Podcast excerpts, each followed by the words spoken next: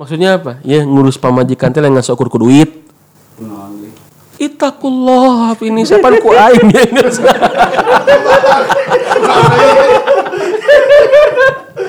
Astagfirullah, ya direkam. Aduh ya Allah.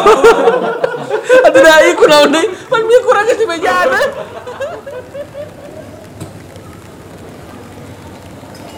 Bismillah, welcome to Vitamins Podcast and you're listening to Vitamins Talk.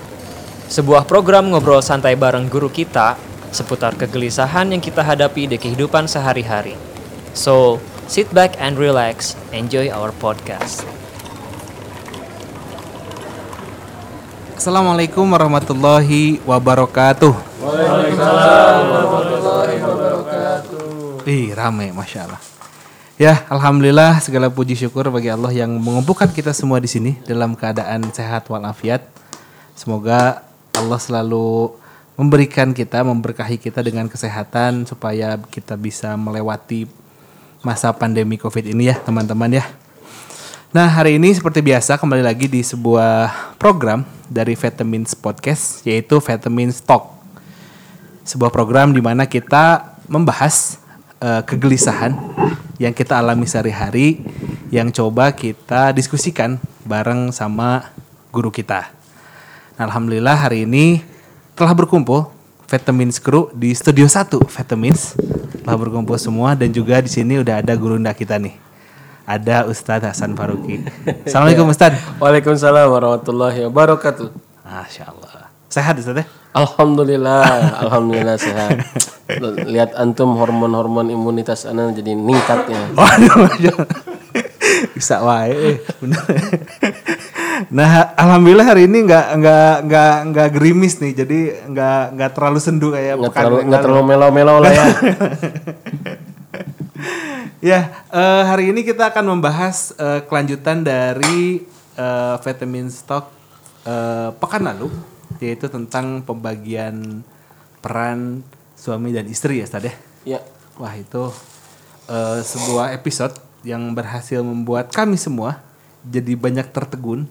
Kenapa? Karena eh, sadar nih, sadar atas apa ya banyak kekurangan dan kita coba perbaiki gitu. Nah hari ini kita akan membahas kelanjutannya nih. oke. Sedikit review dari apa yang kita bahas dari pekan lalu. Kita udah membahas tentang why-nya. Kenapa nih kita harus membahas tentang eh, peran suami dan istri dalam rumah tangga? Kemarin telah dibahas bahwa eh, ibadah itu eh menikah itu kan untuk ibadah. Betul. Makanya kalau kita bilang itu tentang sebuah ibadah, maka kita harus bersungguh-sungguh mempelajarinya Betul. sama dengan bidang yang lain kalau kita ingin terjun kita harus belajar dulu dengan sungguh-sungguh. Nah, kenapa juga harus dipelajari agar jalannya nanti bisa teratur. Nah, eh karena ini juga sebagai ibadah, maka sejatinya harusnya kita menggunakan pedomannya pedoman apa? Akhirnya pedoman yang terbaik adalah pedoman dari Islam. Oke. Kalau buat saya nih Ustadz, sebagai pembuka aja nih. Iya. Ini tuh mem, apa ya? Buat saya tambah yakin atas kesempurnaan Islam gitu Ustadz. Iya, jelas. Karena Ada poin satu poin yang saya lupa itu tentang bersama berbagi peran teh. apa Ustadz? Bahwa siapa pun eh apa pun gendernya Mhm. Itu punya kesempatan yang sama. Nanti kemarin kemarin nggak dibahas. Oh, Jadi kemarin eh, seingat anak ya seingat saya itu kita ngebahas tentang aturan pentingnya aturan ya. ya betul. Kemudian aturan siapa yang mau dipakai? Betul. Betul. Untuk menciptakan keteraturan Ah, juga. untuk- eh, eh. kemudian kita itu apa namanya itu satu poin yang belum dibahas itu adalah bahwa mau apa pun eh, perannya dalam Rumah tangga. dalam rumah tangga itu punya eh, kesempatan mulia yang sama gitu Di hadapan Allah. di hadapan Allah. Ya, jadi punya kesempatan yang sama. Jadi nggak ada nggak ada diskriminasi gender gitu ya. Di dalam rumah tangga. Iya, jadi anda nggak usah mikir-mikir liar tentang feminisme lah. Gitu lah ya. itu apa namanya? eh ya, ya tapi saya maklumi mungkin teman-teman feminis, feminis yang pengusung para feminisme ini ya mungkin belum tahu lah tentang kesempurnaan Islam gitu Iya, kan ya. iya, iya, iya. Jadi seolah-olah perempuan adalah eh, makhluk nomor dua setelah laki-laki gitu ya. Iya. Setelah laki-laki. Padahal nggak seperti demikian. Pada secara ilmunya tidak. Tidak, ya Karena mau laki-laki perempuan dan mau perempuan- laki-laki ya punya punya kesempatan mulia yang sama walaupun tugasnya yang berbeda. Masya Allah. Nah, gitu ya. Catat. Catat ya. Ayatnya Ayatnya nah itu karena Quran. dengan kesempurnaan Islam ini eh, manifestasinya dalam Al-Qur'an. betul. Bahwa ternyata di Al-Qur'an teh banyak membahas begitu banyak hal dalam kehidupan kita, terutama tentang yang akan kita bahas hari ini. Kemarin Ustadz cerita tentang An-Nisa ayat 34 34. ya. Nah, sebentar. Nah, terkait dengan ayat yang tadi bahwa manusia eh perannya apa pun teman-teman sekalian di rumah tangga kita, di rumah tangga maksudnya, ya. Mau jadi suami, mau jadi istri, mau jadi ayah, mau jadi bunda, ya itu semua punya kesempatan mulia yang sama di hadapan Allah, gitu ya. Ini yang harus yang harus dicamkan ini, yang harus diingat oleh kita semua, ya. Karena sering sekali, ya, eh, jebakan eh, otoritas bagi para suami dan eh, jebakan minder teh naon? bahasa ini Eh, minder teh naon? minder teh jadi Isinan. Eh, isinya lu bahasa Sunda. Sungkan sungkan. Bukan sih kan merasa diri rendah ya? Naon tah? rendah diri? Self esteem ya? Esteem. self esteem kan citra diri kan ya? Jadi merasa diri rendah under Underestimate. underestimate apa? Merendahkan orang lain. Oh, merendahkan orang lain ya. Apa ya? Jadi ya dia merendahkan diri sendiri gitu. Ah, aku mah tak apa tuh dah aku mah perempuan misalkannya aku mah apa tuh dah hanya bubuk ranginang opak lepet misalkannya gitu ya. gitu ya. Jadi seolah-olah kalau jadi perempuan itu nomor dua gitu ya. ya. Sehingga tidak pede menjalankan perannya sebagai perempuan dan efek dari itu, efek dari pemahaman bahwa perempuan nomor dua sering sekali membuat perempuan ini tidak memiliki izah dan merasa rugi gitu kalau jadi jadi jadi jadi perempuan itu merasa rugi gitu. Izzatnya apa Ustaz? I, ah, izah itu apa ya? Kemuliaan, merasa tidak punya kemuliaan gitu. Ya seolah-olah ya tidak punya Tidak kemuliaan. lebih baik gitu merasa. Ya lebih baik gitu ya. Enggak, enggak enggak lebih baik daripada laki-laki gitu ya. Nah, ini karena tadi kita berawal dari pemahaman bahwa ya otoritas yang lebih tinggi itu lebih mulia daripada yang tidak memiliki otoritas tinggi gitu. Siapa dalam rumah tangga otoritas yang lebih tinggi? Suami. Suami gitu kan. Nah, sering sekali ini jebakan juga buat para suami kita-kita ya, suami gitu ya. Suami kita-kita. Eh, ada yang belum jadi suami ya? ada yang jadi jadi bukan kita ya. Bukan kita. Makanya diam. kita. Kita ya, bukan lu ya. Saya diam kok. Sebagian dari kita ya. Nah, laki-laki sering sekali menemukan jebakan itu. Seolah-olah karena kita jadi laki-laki, otoritasnya lebih tinggi. Betul, otoritas kita jadi laki-laki lebih tinggi. Kita sebagai imam. Ya, kita yang menentukan arah rumah tangga, kita yang memutuskan hukum dalam rumah tangga, kita pemimpinnya, kita leadernya. Tapi itu tidak menunjukkan bahwa kita bisa lebih mulia di hadapan Allah. Enggak. Gitu. Ya enggak. Jadi jangan merasa kalau kita jadi laki-laki, oh, orang lebih mulia di hadapan Allah. Enggak, teman-teman. Akhirnya egonya tinggi. Akhirnya nah entah akhirnya dia tidak merah di apa namanya yang muncul adalah nafsunya gitu ya. Hmm, Ya, dan merasa bahwa ya dia apa namanya yang paling banyak berkorban, paling banyak beramal, ber- berperan padahal enggak enggak begitulah ya. Hmm. Dan akhir- dan perempuan ketika paham tentang ini, dia tidak merasa terhina gitu. Oh. Jadi walaupun dia posisinya adalah nomor dua otoritasnya di rumah tangga, tapi dia nggak merasa terhina gitu. Kenapa? Karena punya kesempatan yang sama, mulia di hadapan Allah gitu. Ya, jadi saya saya pernah negur suatu satu seorang DKM. Jadi begini, kajian rumah tangga kan kita ya. Dia sampai nasihatin, makanya ibu-ibu ibu-ibu teh harus punya kerja pada suami, eh kerja sendiri supaya tidak bertang, bergantung pada suami. Ini keliru ini. Ini justru yang merusak fitrah. Jadi jadi saya tidak mengatakan Anda nggak boleh kerja, tapi kalau motivasinya adalah Oke, siap. Oke.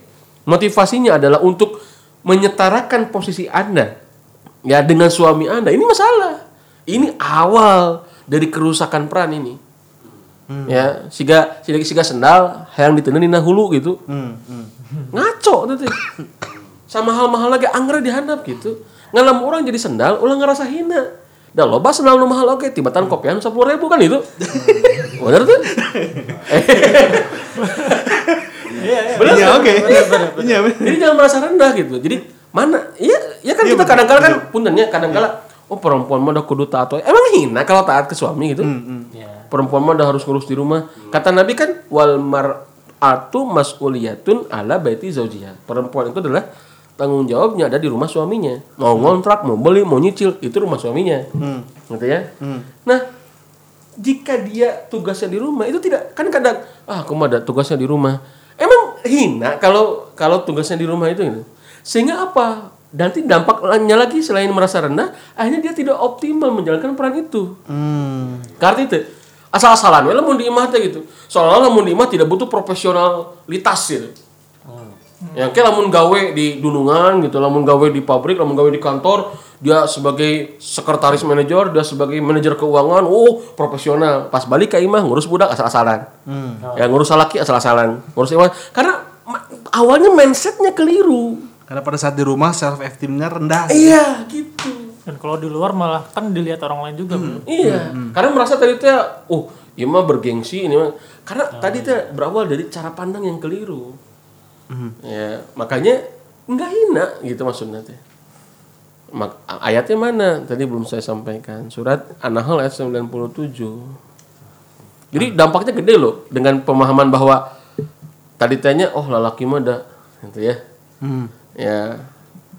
An-Nahl ayat 97 Allah Subhanahu wa taala berfirman ya man amila solih auzubillahi minasyaitonir rajim man amila solihan min zakarin aw untha wa huwa mu'min falanuhyiyannahu hayatan thayyibah wa lanajziyannahum ajrahum bi ahsani ma kanu ya'malun.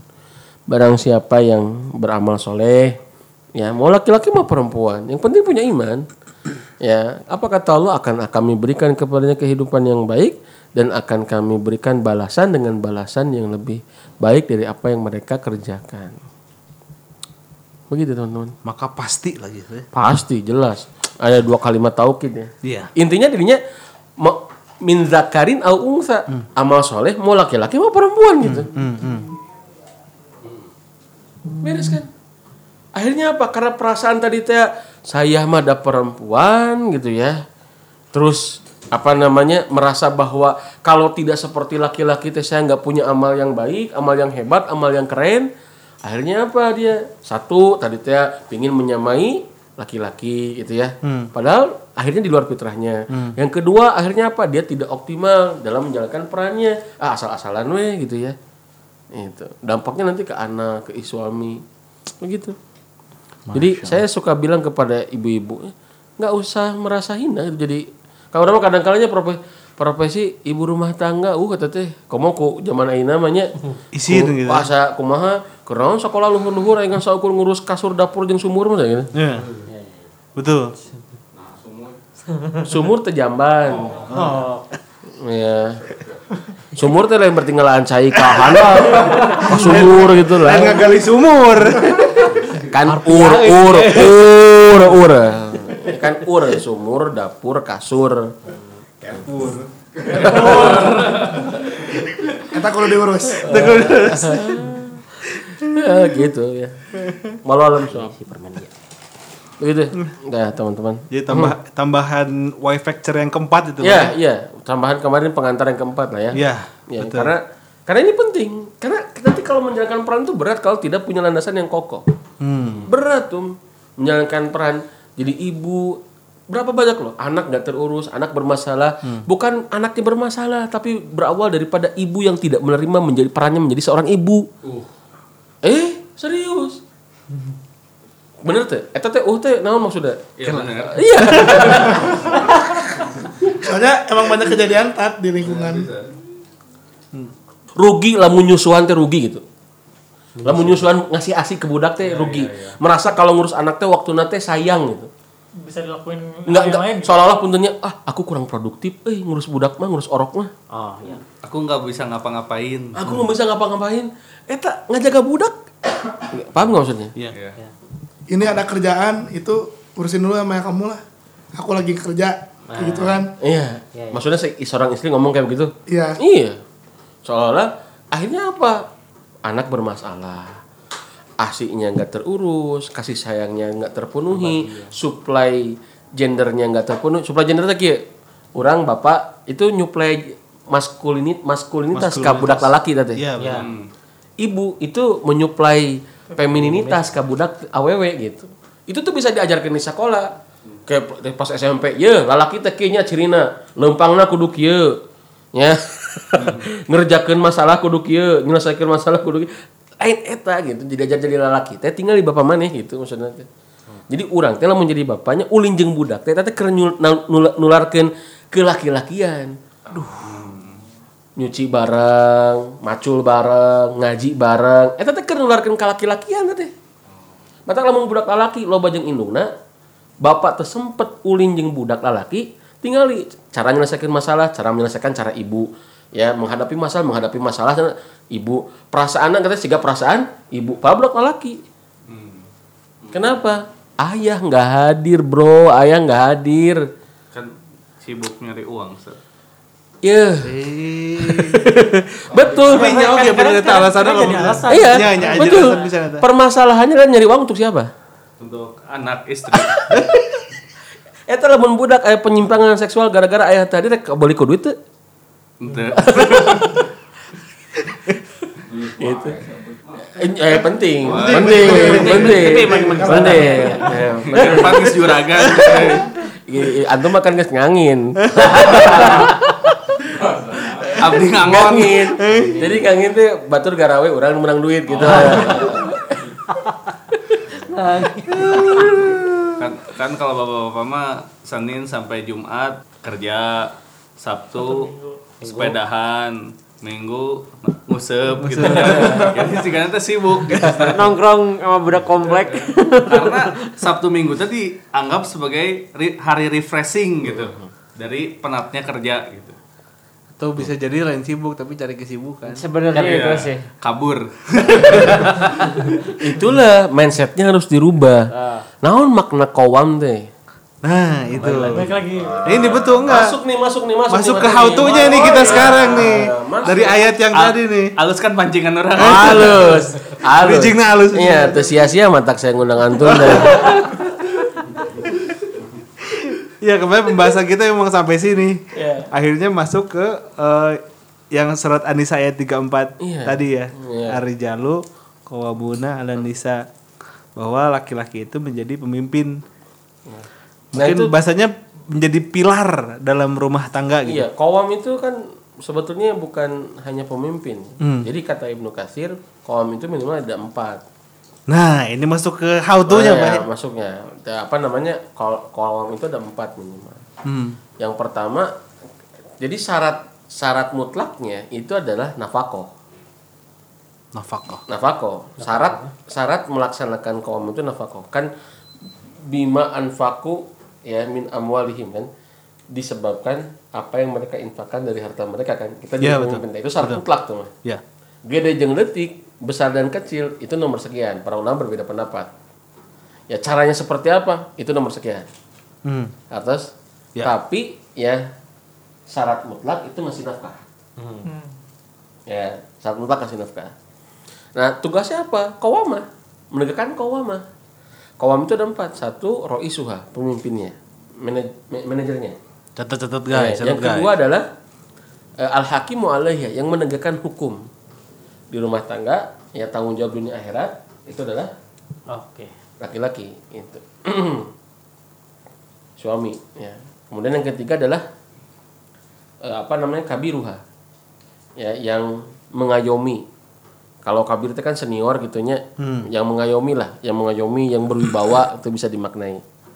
Ya. Jadi dewasain gitu ya. Itu. Mentak berat tuh ngadidik jadi lelaki teh ngadidik budak lelaki teh teh aduh ya karena dia calon pemimpin gitu kudu bisa mimpin gitu ya. Lain kudu lain kudu bisa nyelesaikan S2 S3 lu lain kudu bisa mimpin lelaki teh. Ya kemudian yang keempat nah ini yang paling penting juga wa muaddibu wa yaitu pendidiknya pendidik ternyata pendidiknya makna kowam Pendidiknya. ya matak ayah teh suami teh itu punya kewajiban mendidik. Ayah sang pendidik nanti ada kewajiban itu gitu maksud nanti. Begitu teman-teman. Allah alam. Antum kayaknya ada berjuta-juta pertanyaan begitu di Wah, Iya, iya tuh gimana? Keluarkan Kang Irfan. Masya Allah. Eh, Ari- Koam teh apa Ustaz? Kowam itu secara bahasa ya pemimpin. Oh pemimpin. Siap. Jadi tugas eh, eh, laki-laki ya. Iya. Cuman tadi teh pemimpin teh minimal ada empat itu gitu. Ya, itulah pemimpin untuk menegakkan kawamah. Jadi kawamah itu adalah pilar. Ya bangunan kalau nggak ada pilar itu ya semewah apa pun gak hancur. Kalau pilarnya lemah, tekau pakai angin ya kaki deg gitunya ya goyang. Ya maka sering sekali kawamah salah satu yang menyebabkan rumah tangga itu goyang itu adalah karena ketidakajegan kawamahnya di rum- dalam rumah tangga. Hari itu. Kawamah yang tak ajeg ya. Itulah yang kadang-kala menyebabkan rumah tangga teh goyang gitu. Yang begitu. Tapi lain goyang Karawang kadeknya. Tapi yang menyebabkan rumah sering sekali dalam rumah tangga itu banyak masalah, bahkan karam rumah apa namanya, kapal rumah tangga itu karam karena memang nggak tertegaknya kawamah. Itu banyak sekali. Ya. Dan Nabi berkonflik. Nah ini nih. Beberapa kali dengan istrinya itu dalam rangka menegakkan itu. Jadi konflik itu sehat kalau dalam rangka menegakkan kawamah. Dan saya suka memotivasi itu. Saya suka memotivasi ke suami, kalau betul dia itu menegakkan kawamah, saya bilang Anda jangan takut. Ulah elehan ke pemajikan gitu. Kalau dalam rangka menegakkan kawamah. Contoh. Contoh, istri lebih nurut misalkan ke ibunya daripada ke kita. Bukan berarti kita nggak boleh. Oke, kita kasih kesempatan.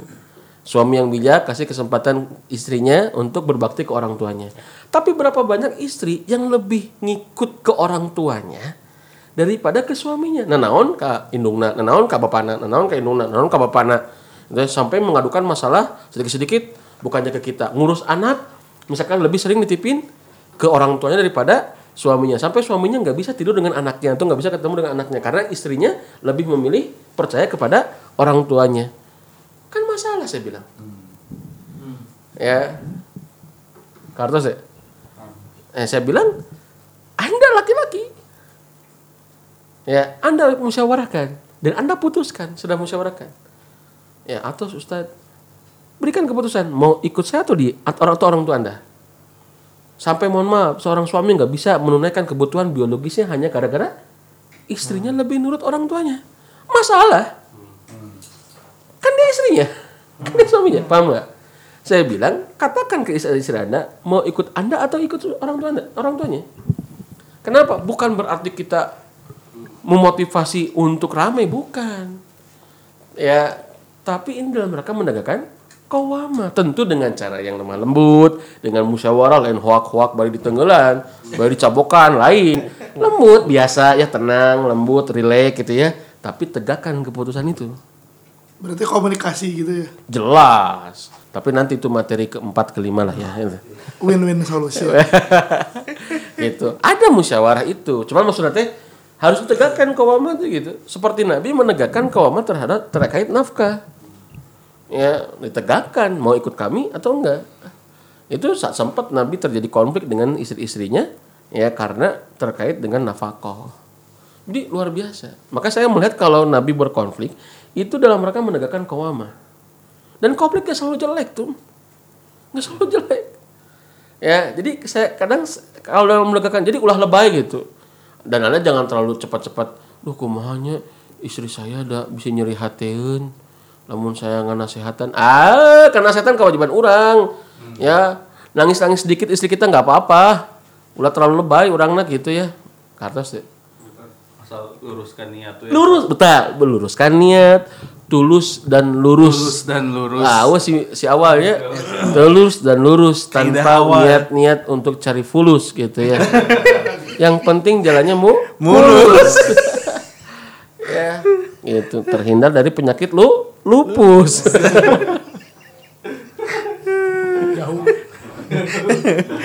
asup asup ya. Nah, abus, asup. abus, ya. Boleh. Apa namanya itu? Jadi paham gak maksud saya? Dalam rangka menegakkan kewamah, jalankan. Nah, jadi jangan sampai anda begini, anda misalkan punya keinginan, ya itu hak anda kan. Anda yang penting kita sudah menaikkan kewajiban nafkah jalan misalkan ya kita sudah didik istri tapi kita ada keinginan misalkan istri teh kalau pulang teh nyawa HP tapi perhatikan salaki gitu terus kita nggak mau nasihatin istri gara-gara kita takut konflik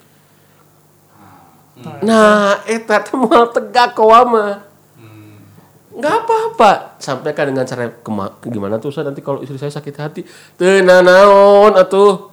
Ya mereka sian-sian teuing. Konflik itu nggak selalu jelek tuh. Paham nggak maksud saya? Iya, tapi tadi teh kudu milih-milih kita konflik naon gitu nya.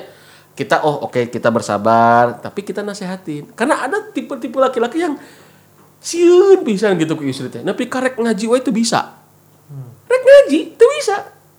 Hanya gara-gara istrinya teridoan aduh Ustad istri saya nggak ngasih izin. Ya di imah teh pamimpin teh saha pakai jeung minta izin segala. Jangankan ngaji kawin dia oke kudu minta izin. Kalau secara fikih. Iya. Kan? Maaf bukan berarti kita dolimnya lain berarti saya nikah nikah lagi bukan. Kalau secara fikih kan nikah lagi aja kita nggak butuh izin. Ya tapi ahsan nggak? Baik nggak? Kayak begitu kan? Tujuan anak tentunya gitu ya saya, maksud saya mau menggambarkan siapa pemimpinnya dalam rumah tangga teh Kartos deh. Ya, paling bukan minta izin bahasanya dikomunikasikan. Ya, dikomunikasikan gitu. Jadi nggak usah minta izin. Ya, dikomunikasi. Salah nangkep. Salah nangkep. Iya, Mak. eh. dikomunikasikan. Ya. Jadi lebih baik minta maaf terus minta izin ya. Minta maaf aja dulu. Dari, dari awal kasih tahu jadwal ngaji hari apa gitu. Nah gitu gitu kan. Tapi kita jangan terlalu, aduh kumahanya. eh, Paham lahnya maksudnya ya. Karena jadi maksud saya teh dikomunikasikan. Tapi kalau soal dikomunikasikan, ya kita itu tidak akan pernah jadi laki-laki sempurna nggak bisa. Eh serius tuh. Karena kita bukan manusia setengah dewa. itu kayak gue bilang. Enggak tuh. Kenapa? Ya siapa Nabi Muhammad sebagai seorang suami kepada Aisyah? Aisyah aja pernah dikecewakan oleh manusia termula, termulia. Siapa? Nabi Muhammad. Pernah yang ya itu kan Aisyah pernah dituduh selingkuh itu. Ya. Sok. Nabi sampai meragukan istrinya sendiri. Ternyari hatiku masuk. Kira-kira kalau kita jadi istri kecewa nggak sama suami digituin? Wah, Ya, lalu siapa kita gitu. Jadi maksudnya ka- kadang kita sudah berbuat yang terbaik, tapi kadang kala ketika istri tanya merasa puas kah? Cantang tuh tuh. Ya. Maka sebelum cari keridoan istri, ya carilah keridoan Allah. Ya, begitu. Paham ya, teman-teman? ya, saya mengga- menggambarkan kewamah itu harus tegak gitu. Tapi ingat kewamah itu bukan ego, termasuk mendidik. Makanya ini kewajiban buat kita mendidik istri. Ya, wayahna resep teresep hayang tahayang, seneng nggak seneng, bisa nggak bisa, kita harus bisa mendidik istri kita. Itu tuh kewajiban orang gitu. Oke. Tadi sempat ada pertanyaan sih Ustaz. Ah, gimana Waktu siang ada yang bertanyanya gini. eh kalau gitu nanti jadi suaminya teh dominan banget. Se- sejauh mana eh si pola pendidikan ini bisa diterapkan dan sejauh mana kita teh ngasih ng- ngulur layang-layangan mah mun ngulur teh sejauh mana kalau mau dibetot teh se- sejauh mana gitu Ustaz? Ya. Patokannya sejauh mana sih Ustaz? Ya patokannya begini kan. Ya walau alam ya, ada yang berdasarkan syariat, ada yang berdasarkan adat. Ya, ada yang berdasarkan syariat, Ada. ada yang berdasarkan. Kalau berdasarkan syariat ya tentu kan pandangannya adalah syariat Allah kan ya. Ya. Misalkan jangan sampai keegoan kita itu eh, apa namanya? Mohon maaf. eh eh, eh, eh, tarikan kita itu melebihi kewajiban kepada Allah gitu. Akhirnya melebihi kewajiban istri kepada Allah gitu maksudnya. Jadi ya itu tarik ulur tarik ulurnya adalah salah satunya adalah pertimbangan syariat. Ya. Makanya kalau menurut saya kalau pa- apa namanya tidak melanggar syariat ya jangan terlalu apa namanya Stakeng teuing gitu. hanya gitu maksudnya teh. Tapi ada pertimbangan yang kedua adat. Adatnya kebiasaan di orang orang Sunda kumaya adatna? Atau tapi keluarga istri kumaya kebiasaanana? Gitu maksudnya teh. Begitu ya. Kebiasaan istri gimana nih? Kebiasaan keluarga kita gimana nih? Gitu. Tapi selama tidak bertentangan de- dengan syariat itu bisa jadi bahan per bahan pertimbangan gitu Ada juga yang sempat bertanya gini Ustaz, gimana kalau misalnya ternyata secara ekonomi si perempuan ini lebih berdaya. oke Terus yang kedua bahkan secara ilmu agama pun lebih fakih gitu. ya Saya juga mau nanya itu. Gimana nih Ya, si, sebagai sama eh, status sosial mungkin. eh, sama satu sosialnya akhirnya si suaminya kayak merasa gak punya power gitu Ustaz. ya Atau malah jadi ngerasain yang harusnya yang tadi yang merasa rendah gitu Ustaz. Hmm. Kemarin kemarin ada yang cerita juga ke Satria itu. Yang Iya. lewat Satria. Jadi semuanya tuh suaminya benar-benar nggak ada power sekali karena secara ya itu tadi ke apa secara ilmu mungkin atau secara strata itunya keluarga istri dan segala itunya tuh lebih jauh bahkan is- bahkan si suaminya tuh sempat bilang untuk gendong anaknya pun agak sulit gitu karena gitu loh ada karena didominasi oleh keluarga istri gitu ya gitu sangat mendominasi Pertanyaannya gimana? nah, nah kumana Sebagai- sebagai istri, sebagai suami. Sebagai Sebagai suami gimana Ustaz? ya sebagai suami menurut saya ya itu tidak mengurangi nilai kewamah dia. Jadi tidak dia tidak pu- di- tidak punya alasan untuk tidak menegakkan kewamah gitu. Ya kalau dia mau lebih bersabar misalkan rumah sakit maneh gitu ya. Mungkin dia bisa mengurangi kewajiban ini eh, apa namanya? nilai-nilai kewajiban hak dia sebagai seorang suami. Misalkan. Tapi kalaupun dia menegakkan kewamah itu tidak salah gitu. Dalam, dalam pengertian begini. eh, apa namanya? Tetap keputusan ada di Suami. suaminya gitu. Jadi kalau saya jadi dia, aduh. Eh di film laki-laki biasanya nanya apa itu? Apa apa F, FTP itu. Anu kerame, anu kerame. Ini kerame. ya laki-laki biasa. Jadi apa namanya tegakkan kewamah itu. Jadi musyawarahkan dengan istrinya gitu kan ya tanpa harus misalkan apa namanya itu eh, jadi ulah lebih kaki kejabi dia dia mau bersabar gitu maksudnya teh. Ya sah-sah saja gitu. Tapi kalau dia tidak merasa bahwa dia teh apa namanya itu merasa bahwa dia itu eh, terdolimi tanda kutip gitunya. Hak-haknya terkurangi gitu. Tapi kan tadi rek ngegendong budak wae hese gitu udah kunini na wae misalkannya. Kak ku ibu mertua ku ayah mertua. Omongkan ya. Harus menegakkan kewamah menurut saya.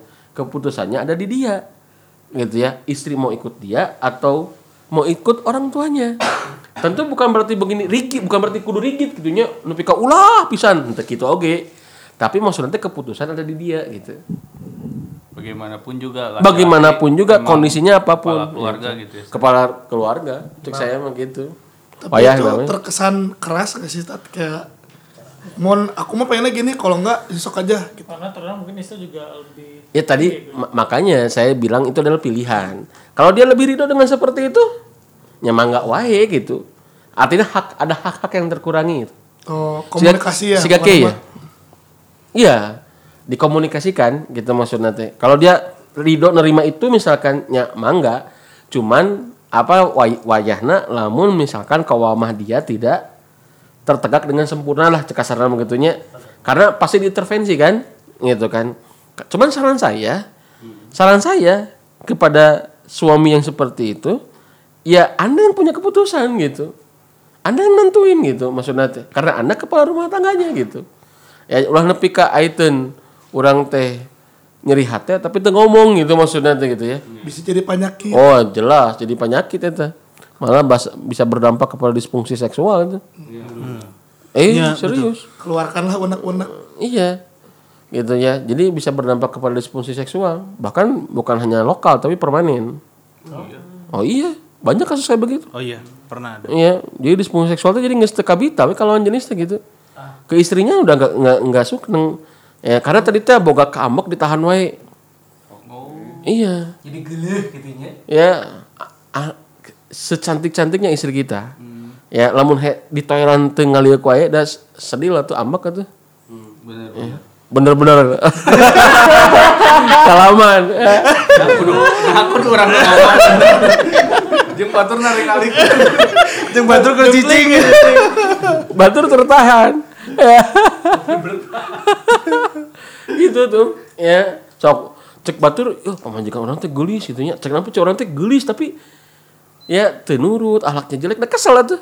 Ruji tuh orang nu aya mah gitu. Kan ya ya curhatan bapak-bapak sih gitu nya maksudnya.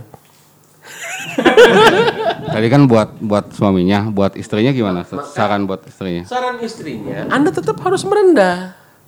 Tanazul ya sehebat apa anda dibandingkan Khadijah terhadap Nabi Muhammad gitu ya karena merasa oh keluarga saya lebih berjasa keluarga saya lebih berada ya dan hikmahnya adalah makanya kenapa kita juga harus cari yang sekufu. Tapi Yang balik sekufu itu gimana? Eh, coba. ke peran sih. Peran istri, peran istri kan. Makanya tadi itu ya. Kalau kalau apa namanya? Makanya saya nasihatin sehebat apa pun Anda, sekaya apa pun Anda, Anda harus tana, tanazul.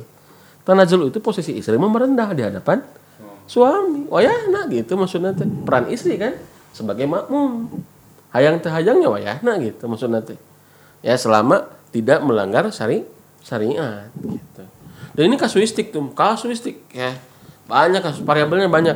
Saya pernah nanganin kasus kayak begini ya ya seperti itu gitu nya. Seolah-olah seolah-olah suaminya yang terdolimi oleh istrinya. Kelihatannya ketika laporan ke saya. Setelah sekian lama sampai bercerai dan kita bergaul dengan suaminya itu oh ternyata karakternya memang ya punya karakter yang punya attitude yang pika sebelen gitu maksudnya karakter itu tapi kalau melihat laporan sekilas ke kita dan kita tidak melihat kehidupan sehari-hari, orang ningali ngasa ukur ningali kasus nu aya gitu nya. Ya posisi suami terdolimi ya.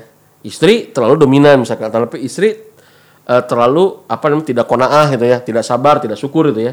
Tapi setelah kita gaul dengan laki-laki itu gitu ya, bukan menggauli ya, bergaul bareng gitu ya, bergaul bareng gitu ya, itu ya, apa namanya berinteraksi bareng. Oh ternyata attitude attitude ada memang, Ternyata laki-lakinya belat.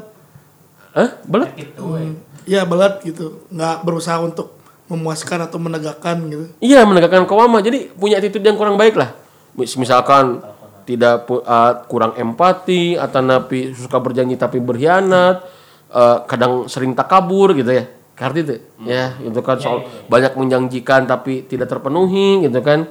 Kemudian juga ya kayak, kayak begitulah. Kan itu nggak kelihatan di perm- seolah itu seolah-olah itu tidak ada eh, menjadi sebuah permasalahan. Kartos tuh.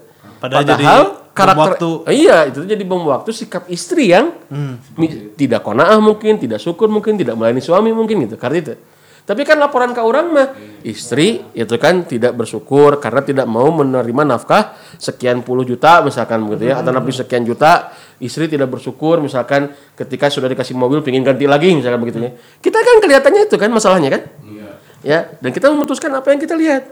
Tapi ternyata di balik itu ada sikap-sikap suami yang memang ternyata tidak apa namanya tidak tidak baik gitu maksudnya. Teh. tidak tepat tidak baik gitu ya. Itu adalah masalah integritas sebenarnya lah mau di lah mau di perusahaan mah gitunya gitu ya. Integritas sikap nanti sikap integritasnya nggak ada gitu Jadi sikap istri yang seperti itu tuh akibat sebenarnya kalau yang tadi kasus Ustadz ya dari kasus saya gitu ya. Bisa jadi akibat. Gitu maksudnya. Makanya ya variabelnya banyak tuh ya. Makanya kata Rasulullah Shallallahu Alaihi Wasallam ya aku memutuskan apa yang aku lihat saja apa yang aku dengar kata Nabi. Di balik itu semua aku tidak tahu gitu cek Nabi gitu. Kurang lebih kayak begitulah ya, ya jadi ya banyak variabel nah gitu maksudnya teh. Cuman kalau tadi sikap istri seperti itu yang tadi teh kasus tadi tehnya kumaha tuh nasihatnya buat istri? Ya nasihat saya adalah anda harus bertanazul merendah itu. Ya wayah nawa itu mah karena suami jadi imam. Kalau kata Bu Ali Risman ya ada cara menasehati suami ada ada. Kan kadang kala suaminya yang harus dinasehati gitu ya. Tadi teh kadang suaminya lebih eh istrinya lebih berilmu daripada Suami. suami kan gitu. Maka cara menasihatkan itu harus benar tetap ya walaupun dia lebih berilmu ya walaupun dia lebih tahu cara menasihatnya harus benar ya pengen tahu bagaimana cara istri menasihati suami yang benar Enggak, pengen. bagus Takut. Tapi punten Ustadz mau nanya, ada beberapa temen wanita yang pingin mencari suaminya teh gini. Aku pengen nyari suami teh yang nurut sama aku eh. yang Itu enggak salah nggak? oh enggak nikah aja sama robot karena karena di karena di nggak nggak mah kalau mau jujur banyak banget cewek yang kayak gitu. Kenapa kamu milih dia? Karena dia mah nurut eh sama aku. ya ya Kita dalam hal gimana? Jadi Ya. kayak kayak nggak bawel, kayak dia mah nggak banyak protes, dia mah nggak banyak nuntut sama aku. Halo jadi suami, duduk, duduk, suami. Karena ada yang kayak gitu, jadi ya saya, saya paham saya paham misalnya nggak banyak nuntut teh lamun balik teh yang panggil mau kencai gitu nya jadi kayak gitu ya. iya aja. jadi nggak banyak nuntutnya nggak banyak iya saya paham saya paham Sementara kalau saya pernah dengar suami itu untuk menjadi istrinya lebih baik, kita tuh harus menuntut tadi komunikasi itu. Betul. A, perempuan kalau sudah seperti itu mungkin bisa mendapatkan laki-laki yang diinginkan. Tapi siap-siaplah rumah tangganya tidak tertegak dengan baik. Dengerin tuh. Mau mau seperti apa, mau sehebat apa pun Anda, wahai perempuan, ya Anda itu ditakdirkan oleh Allah punya otoritas lebih rendah daripada laki-laki gitu di rumah tangga. Dan sekali lagi itu tidak menunjukkan kelemahan. Tidak menunjukkan kelemahan tuh, tapi itu fitrahnya. Itu. Kalau itu sudah dilanggar, rusaklah. Paham nggak maksudnya? Iya, wayahna gitu. Jadi lamun ulah heran lamun perempuan itu tuh subhanallah ada keterbatasan. Sehebat apa pun dia mimpin. Ya. Makanya kita jadi laki-laki menegakkan itu bukan harus serba lebih tahu, bukan harus serba lebih pintar, bukan apalagi harus serba lebih lebih lebih tinggi strata sosialnya enggak. Ya, tapi kita jadi pemimpin itu yang memutuskan hukum, yang mengarahkan. Makanya kak saya suka bilang, kalau kita merasa jadi laki-laki nih, duh, udah majikan saya lebih pintar, itu tidak mengurangi nilai kewamah anda, tapi anda yang mimpin gitu. Cara kan pemimpin kan nggak mesti harus serba tahu tuh.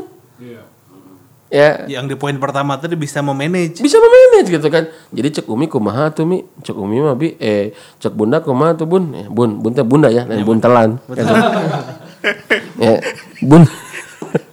Kata bunda gimana tuh? Ya kata bunda mah bi. Eh ya kan bunda tuh udah tahu ini tuh bla bla bla bla bla, jadi mending kene ambil aja misalkan eh, kesempatan ini. Oh ya tuh ambil. Kan ini anggar keputusan sama di orang paham nggak maksudnya? Iya. Ya, jadi tidak mengurangi nilai kepemimpinan gitu maksudnya. teh. Ini para suami harus paham juga sebenarnya konsep tentang ini gitu maksudnya. Ini mah Jadi bukan berarti tidak mendengarkan insight dari istri. Salah juga, enggak enggak. Artinya bukan menegakkan kewama itu bukan berarti kita nggak ngajak musyawarah, itu nggak bijak itu. Jadi tetap kita pun ketika kita jadi pemimpin kita yang memutuskan, kita ajak musyawarah, kita minta pendapat. Ya, kita pun harus berbesar hati dengan kekurangan perempuan, kekurangan istri kita, gitu ya. Apalagi kata Nabi istausu bin nisa'i khairon. Banyakin man- ma- perempuan tuh di apa namanya? Di di dinasehati fa innaha khuliqat minadillah. Itu perempuan diciptakan dari tulang rusuk dan tulang laki-laki. rusuk, ya tulang rusuknya, tulang rusuk itu bengkok. Kata Nabi, jangan langsung diluruskan, patah. Tapi perbanyak nasihat kata Nabi. Masya Allah. Gitu ya. Dan tulang rusuk itu tidak di atas, tidak di bawah tuh. Betul nggak? Di tengah. Nah, kenapa? Karena dekat dengan hati. Supaya tidak, tidak di bawah, sebab kalau di bawah dia tidak akan mengkuat menanggungnya. Tidak di atas. Kenapa tidak di atas? Dia akan bersikap semena-mena kalau di atas. Ya, maka di tengah untuk dilindungi dan dirawat. Eh, serius? Itu filosofinya. Kata Rasul teh. Iya, bukan kata Rasulullah cuman tadi apa namanya bahwa laki-laki eh, perempuan dari tulang rusuk gitu. Kalau kata Rasul teh kalau menegakkannya dengan langsung pecah. Eh, patah itu ya. Maka kata Rasul perbanyak wanita itu kasih nasihat. Itu kata Nabi. Sampai sana Nabi mah ya begitu. Itu mah hikmah filosofisnya dari saya gitu ya. Walau alami sawab. Ya. Pelan, pelan gitu teh. Tum. Ya. Ittaqullaha fin nisa. Itu kata Nabi. Ya. bertakwalah kalian kepada Allah menghadapi perempuan. Maksudnya apa? Ya ngurus pamajikan teh nggak ukur ku duit. Itakullah ini siapa ku aing ya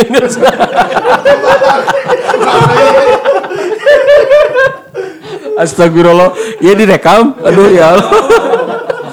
Aduh dah iku naon deui? Pan mi kurangnya di meja ada. Emang tiba-tiba sih penonton tukul teh nyeletuk we. Ya, jadi berat tuh. Ya, ini beratnya jadi laki-laki. Apa kata Nabi? Ya kata Nabi, ya eh, apa namanya? Eh, fa innaha awanun alaikum. Perempuan itu seperti tawanan kalian.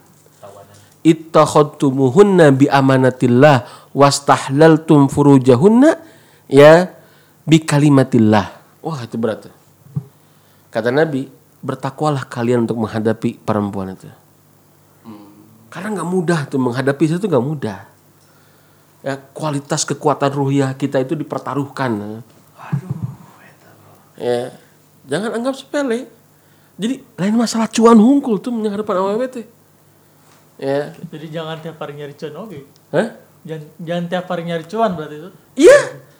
Anda punya tanggung jawab. Jadi kualitas ketakwaan kita kepada Allah sangat berpengaruh dengan cara kita atau kualitas kita menghadapi istri. Wih, kualitas ketakwaan kita terhadap Allah me Mana? Mempengaruhi gitu. mempengaruhi Ya cara kita, Cara kita. me- menyikapi perempuan kita, istri kita gitu. Apa kata Nabi? Kalian mengambil mereka ya dengan amanatillah, dengan amanat dari Allah.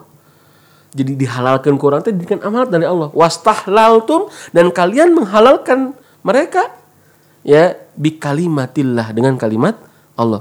Farji farji mereka menjadi halal dengan kalimat Allah. Ya, lain ke tukang wedding lain. Dan ke tukang wedding. Hmm. Betul tidak? Lain ku IO gitu maksudnya. Ya, dengan bi amanatillah, bi kalimatillah. Jadi saya baca hadis itu, wah berat eh, jadi lelaki teh gitu. Jadi khutbah akad, akad nikah tah. Ustaz izin bertanya. Hmm, tidak dikasih izin. Ya udah saya yang bertanya. silakan silakan. Iya, eh, terkhusus kami-kami yang sedang mau OTW nih Ustaz. Udah mau OTW mau di. Berarti saat OTW teh urut di jauh kan itu.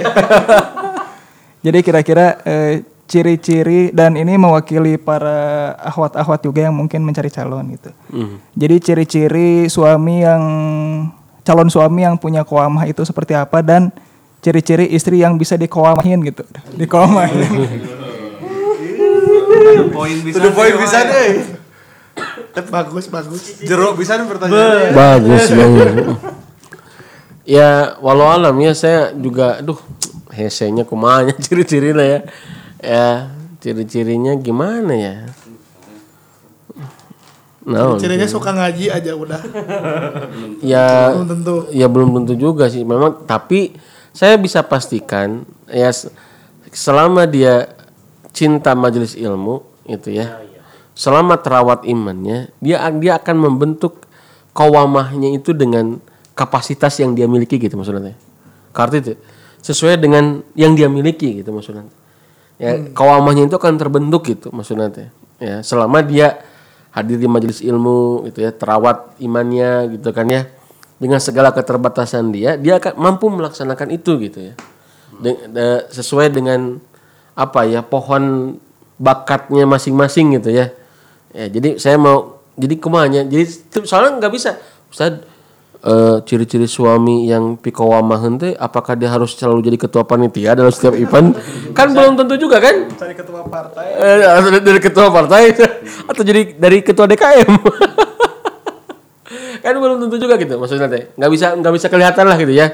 Nggak bisa kelihatan tuh. Ya makanya apa namanya itu ya menurut saya apa ya ciri-cirinya mungkin ah iya berat nih pertanyaan ini Kan tadi tentang kualitas keimanan dia pasti bisa memperlakukan istrinya betul sesuai.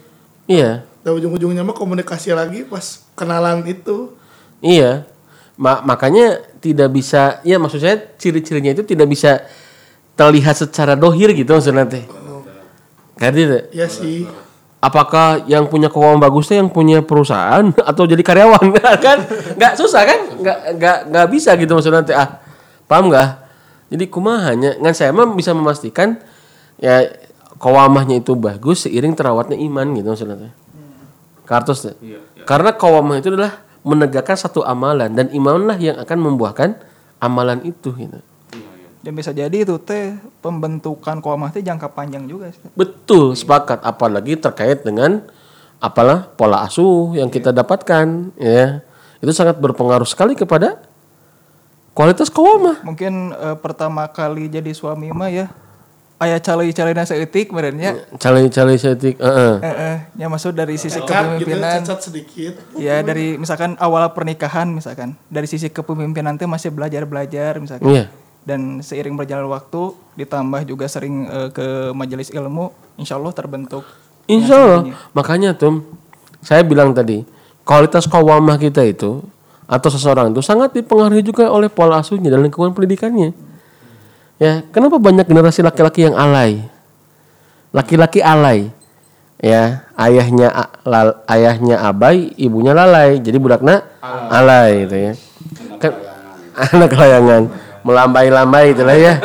Intinya alay itu jadi eh, gamang gitu ya. Eh, kayak layang-layang gitu lah ya. Begitu ya. Terbawa angin lah. Angin ke kaler ke kaler angin kidul kidul jadi akhirnya dia nggak punya keputusan yang ajeng. Kenapa? Karena salah satunya pola asuh. Sering sekali anak laki-laki itu egonya dirusak.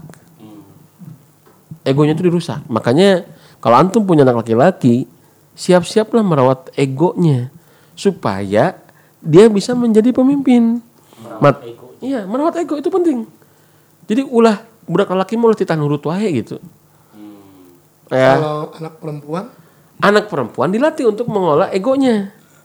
Itu tapi Ustad ada kadar begini. Ada kadar begini. Anak perempuan itu kadang egonya berlebih daripada anak laki-laki. Tapi tetap ya dia di, di, di, di apa dididik untuk bisa taat gitu ya. Ya artinya bahwa dia dididik untuk menjadi seorang perempuan yang pada waktunya taat kepada sua, suaminya gitu. Tapi kalau anak laki-laki itu lebih rada lebih li nanti lebih di lebih dilepaskan gitu ya. Lebih dikencarkan. Lebih banyak diberikan peluang dia untuk mengambil keputusan. gitu maksudnya nanti. Ya siap menghadapi kegagalan dan lain sebagainya. Itu adalah pendidikan anak laki-laki gitu. Ya walau alam bisa kurang lebih kayak begitu. Nah, Ustaz, kan tadi soal koam nih.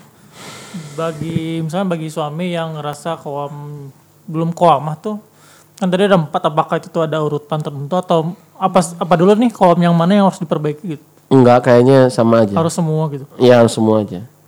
Ya harus semuanya. Cuman saya melihat adalah salah satu yang paling sering dilalaikan adalah muadib pendidik. Ya. Ngedidik gitu ya. Mendidik jadi mendidik istri itu kadang-kadang sering dilalaikan gitu ya ya padahal minimal ada beberapa ada empat buah minimal kenapa kita harus mendidik istri gitu. tapi eta keur setengah jamun podcast eta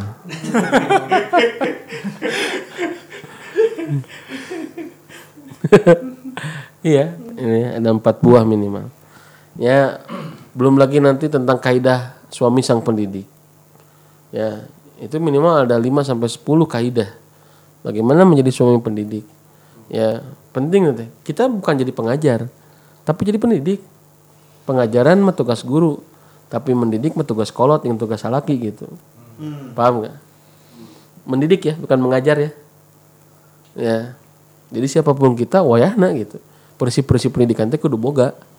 Setidak-tidaknya ya kita menjadi jalan ngedidik istri kita dan anak-anak kita gitu. Kayaknya bikin series ayah yang berdaya, suami yang berdaya. ini juga masih peran suami lagi Iya. masih banyak Masih peran suami gitu. Dan memang ayah pendidik itu menurut saya ini sangat sangat sering dilalaikan.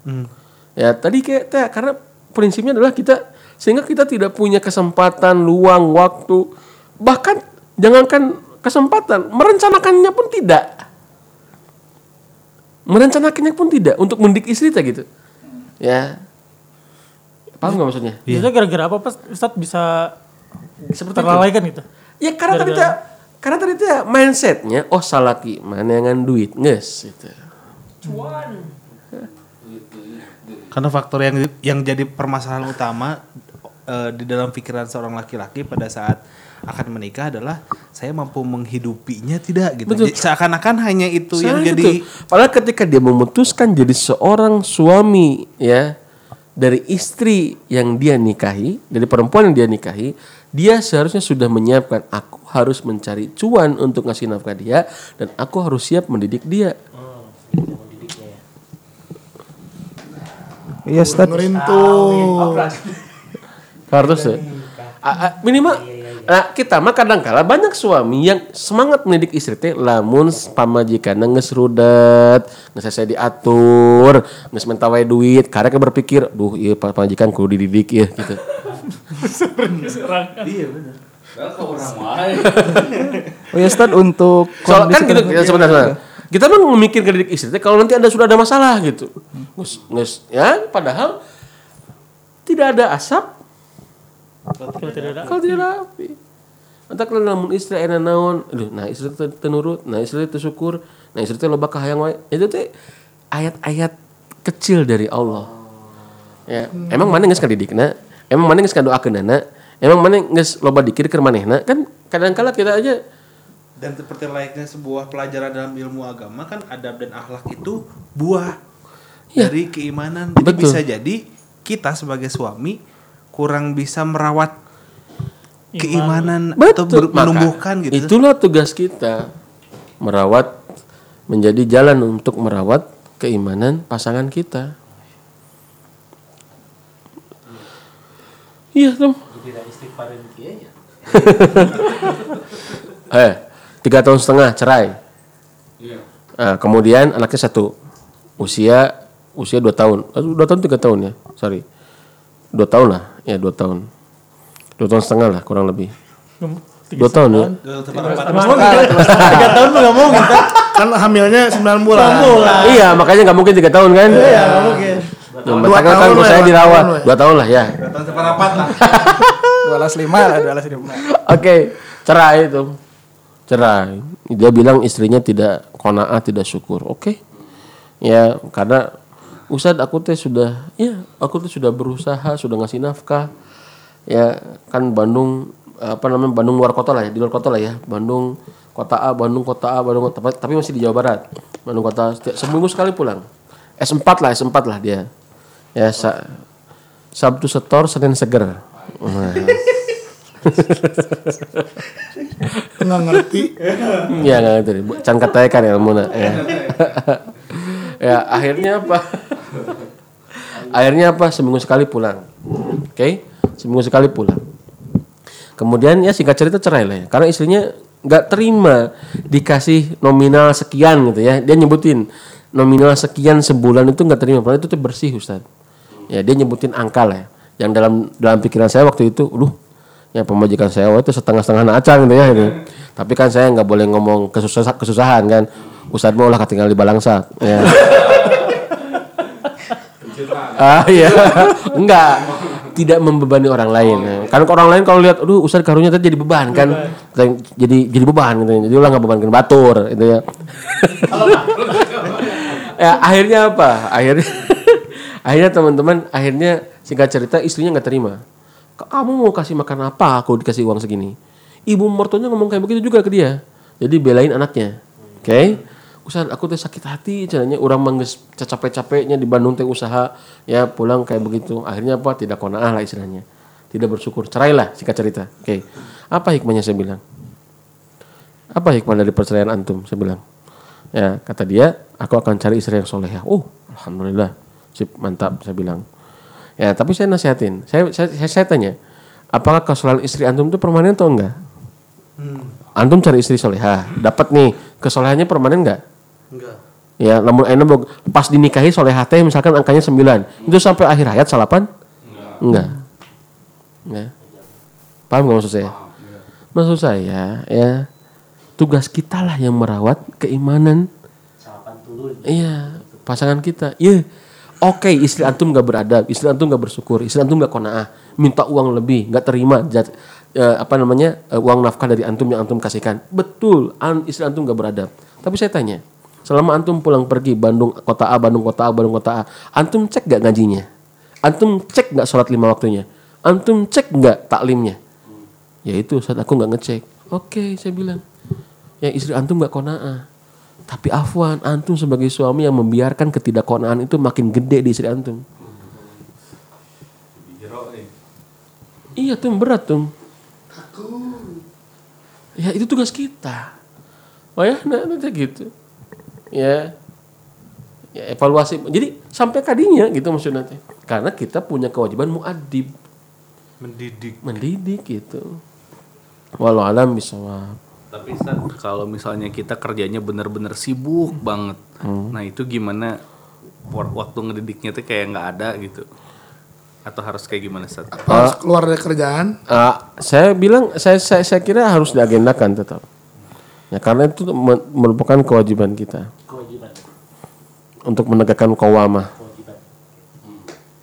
Karena waktu mah kita yang ngatur. Ya iyalah, 24 jam sama. Gimana caranya? Ya carilah ya. Nggak gede nanya ke Noya itu.